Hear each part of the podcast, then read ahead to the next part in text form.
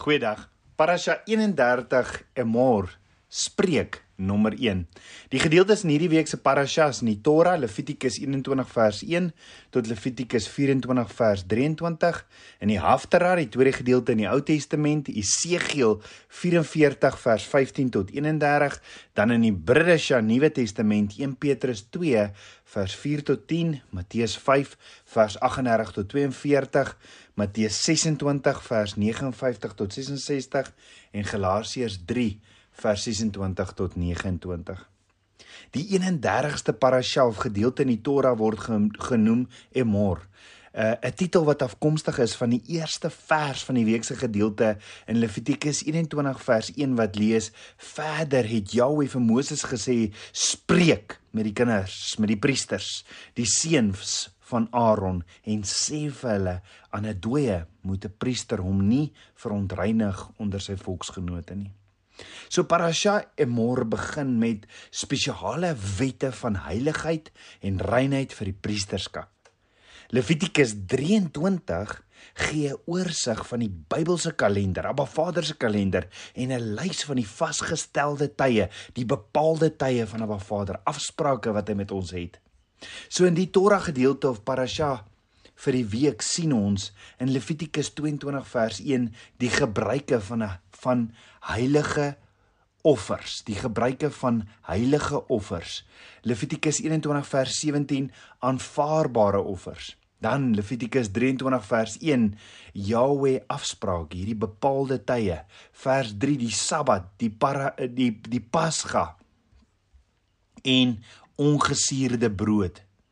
Dan Levit Levitikus 23 vers 9 die offers van die eerste vrugte. Dan vers 15 die fees van weke, vers 23 die fees van trompette, die vers 26 die dag van verzoening, vers 33 die fees van tabernakels. Levitikus 24 vers 1 die lamp. En dan Levitikus 24 vers 5 die brood van die tabernakel. En vers 10 godlastering en die straf daarvan. In die gedeelte in die uh, Haftarah vir Parasha 31 in die week wat saam bestudeer word, sien ons behels Jesegiel 44 vers 15 die Levitiese priesterskap. Ja, die Levitiese priesterskap. Dan die gedeelte in die Bridesha vir Parasha 31 in die week wat ook saam bestudeer word, sien ons behels in 1 Petrus 2 vers 4 die lewende steen. Levitikus 26 vers ag Matteus 9 26 oor uh Abba uh, almal kinders van Abba Vader deur die geloof in Yeshua. So dis byna onvermydelik. As iemand hoor jy glo in Abba Vader se hele woord, die Ou Testament en Nuwe Testament, dan reageer die persoon dadelik met iets soos As jy in die Ou Testament glo, waarom skeer jy dan jou baard? Die Here het dan vir Israeliete gesê, hulle mag nie hulle baarde skeer nie. En daar's 'n klomp sulke vrae wat gevra word wat meestal uit konteks uitgehaal word, net omdat daar bewys gesoek word dat die Ou Testament eintlik nie meer van toepassing is op ons nie en dat Yeshua die wette kom wegvat het. En dis nie die waarheid nie. Yeshua is die woord. Yeshua is die Torah en het nie gekom om die wet, die Torah, die eerste 5 boeke van die Bybel en dan die profete, die res van die Ou Testament te ontbind nie maar gekom om dit te vervul. Die woordjie vervul want hy sê dit in Matteus 5 vers 17. Die woordjie vervul beteken om tot volle aksie te bring of om tot volle betekenis te bring. Yeshua het sy koningskap gelos om vir my en jou die woord van Abba Vader volle betekenis te kom gee. Met ander woorde om die gapings te kom vervul. Hy het nie gekom om Abba Vader se wet, sy instruksies te vernietig nie. Yeshua was nog altyd Abba Vader se verlossingsplan vir my en jou en Abba Vader is nog altyd dieselfde en maak nie 'n fout nie. Abba Vader maak nie 'n fout nie. 2 Timoteus 3 vers 16 tot 17 sê die hele skrif is deur God ingegee en is nuttig tot lering, tot weerlegging, tot regwysing, tot onderwysing in die geregtigheid sodat die mens van God volkome kan wees vir elke goeie werk volkome toegerus. En toe hierdie geskryf is in 2 Timoteus 3 vers 16 tot 17 toe was daar nog nie 'n Nuwe Testament nie. So daar staan in hierdie week se gedeelte voor ons te verder dieper ingaan Levitikus 23. In hierdie week se gedeelte of parasha Levitikus 21 vers 5 staan: Hulle mag op hulle hoof geen kaalte maak en die rand van hulle baard nie wegskeer en hulle vlees geen insnyding maak nie. En dit lyk amper as jy net na hierdie teksvers kyk dat ja, so waar, priesters mag nie hulle baarde skeer nie, nê. Gaan loop jy in die ou stad van Jerusalem en jy kyk na die ortodokse Jode wat daar rondloop, dan sien jy maar meeste van hulle sny nie hulle baarde nie. En ja, sonder twyfel glo baie ortodokse Jode hulle mag nie hulle baarde sny nie. Maar dan kry jy ook die kariate Jode wat al hulle hare afsny en wat sê die ortodokse Jode sny nie hulle baarde nie weens godsdiens.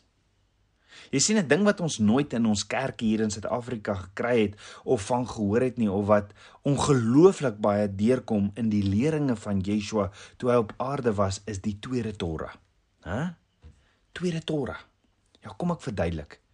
Die Torah, die eerste 5 boeke van die Bybel is voor in sinagoges gelees in die Bybelse tyd. Hierdie eerste 5 boeke is voor in die sinagoges gelees in die Bybelse tyd.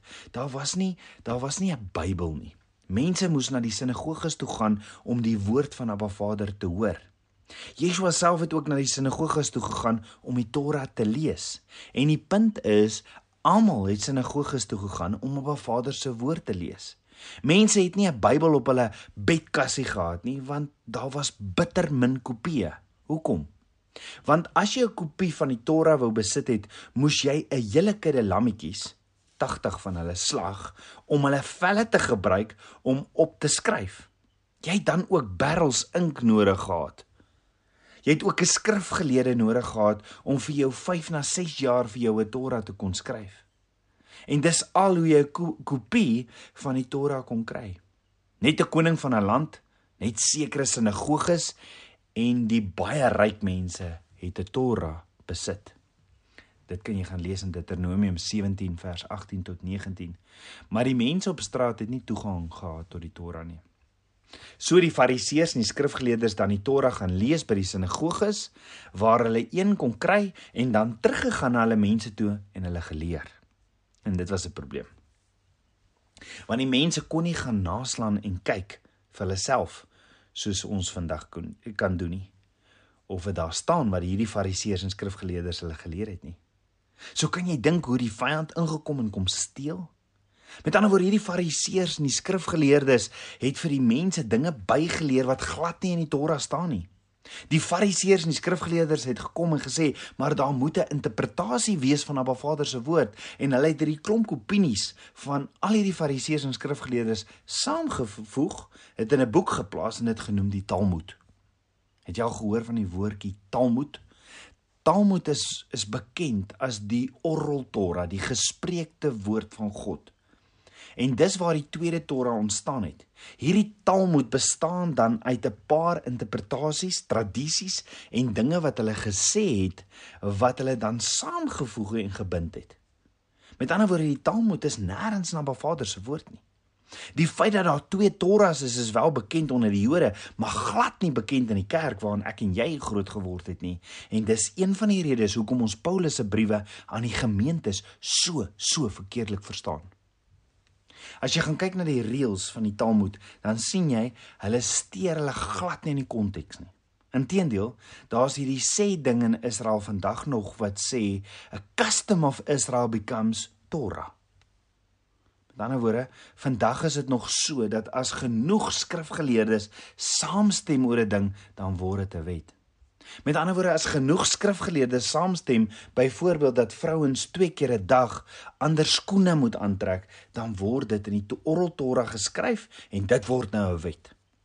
As jy dit dan nie onderhou nie, dan is dit dan is jy buite die wil van God volgens hierdie skrifgeleerders en dit het die kerk ongelooflik deur deur mekaar gemaak.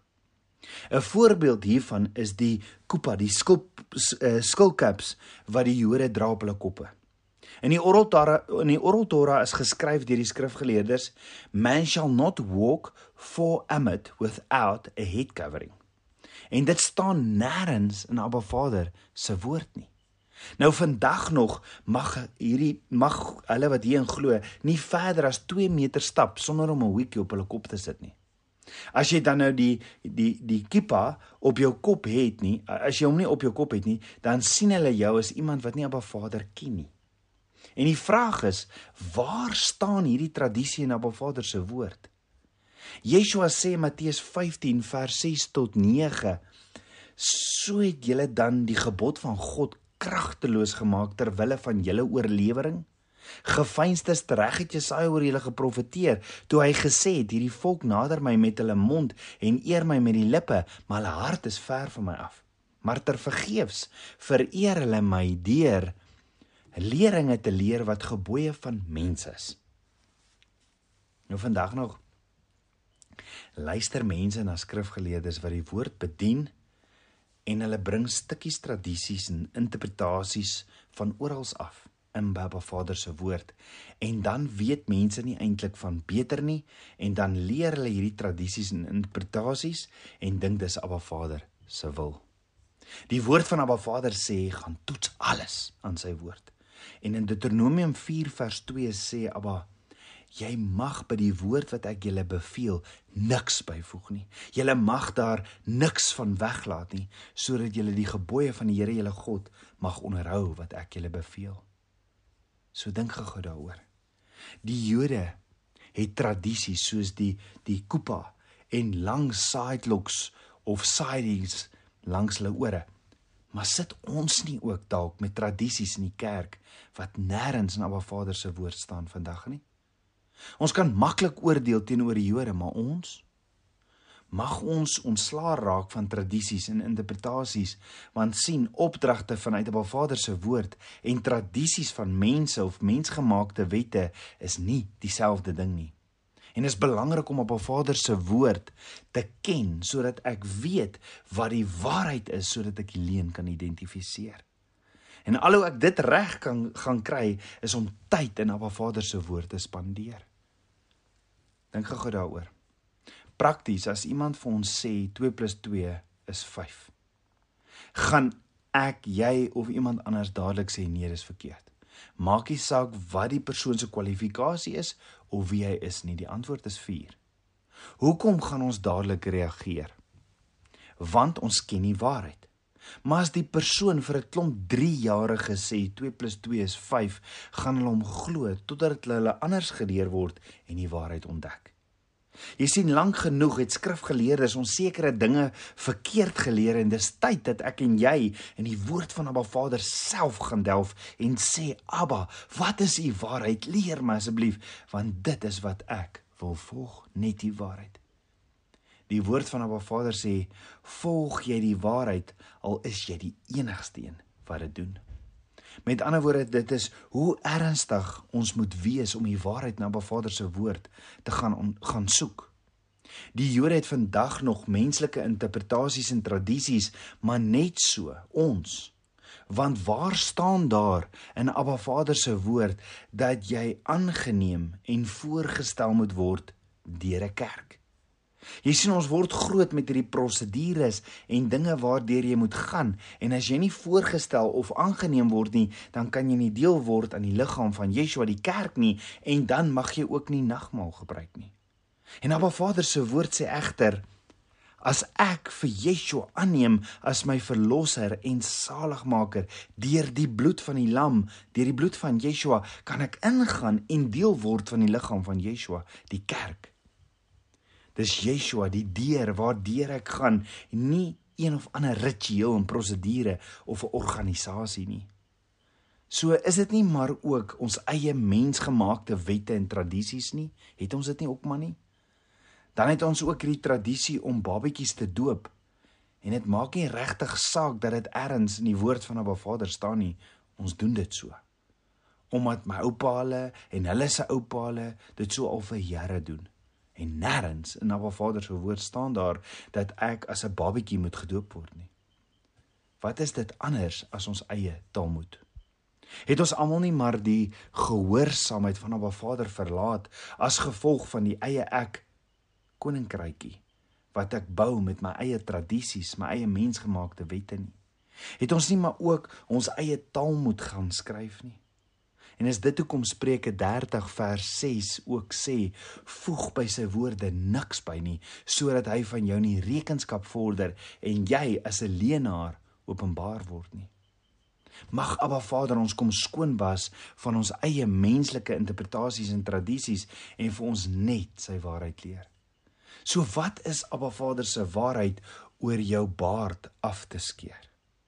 Voor ons kyk wat staan in die oorspronklike woord, moet ons eers besef as jy hierdie vers lees in konteks, dan sien jy Abba Vader praat nie van normale haarsny of baardskeer nie. Want meeste mense sny of skeer nie net hulle hare op net een gedeelte of 'n hoekie op hulle kop of baard nie. So daar's 'n definisie, daar's definitief iets anders aan die gang hier en kan ons nie net iets uit konteks gaan haal nie. Nee, in konteks sien ons dat dit gaan hier oor die priesters wat nie in kontak mag kom met iemand wat gesterf het nie.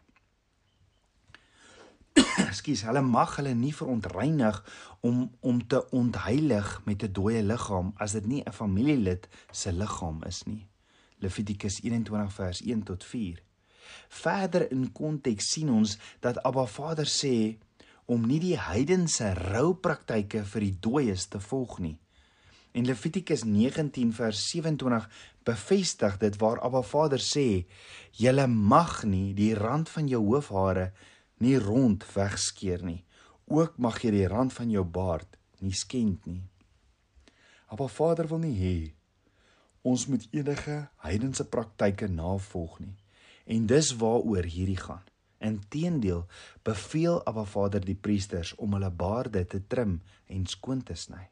Hy sê in Jesegiel 44 vers 20 en hulle moet hul hoof nie kaal skeer of hulle hare lank laat groei nie, behoorlik moet hulle hulle hoofde skeer.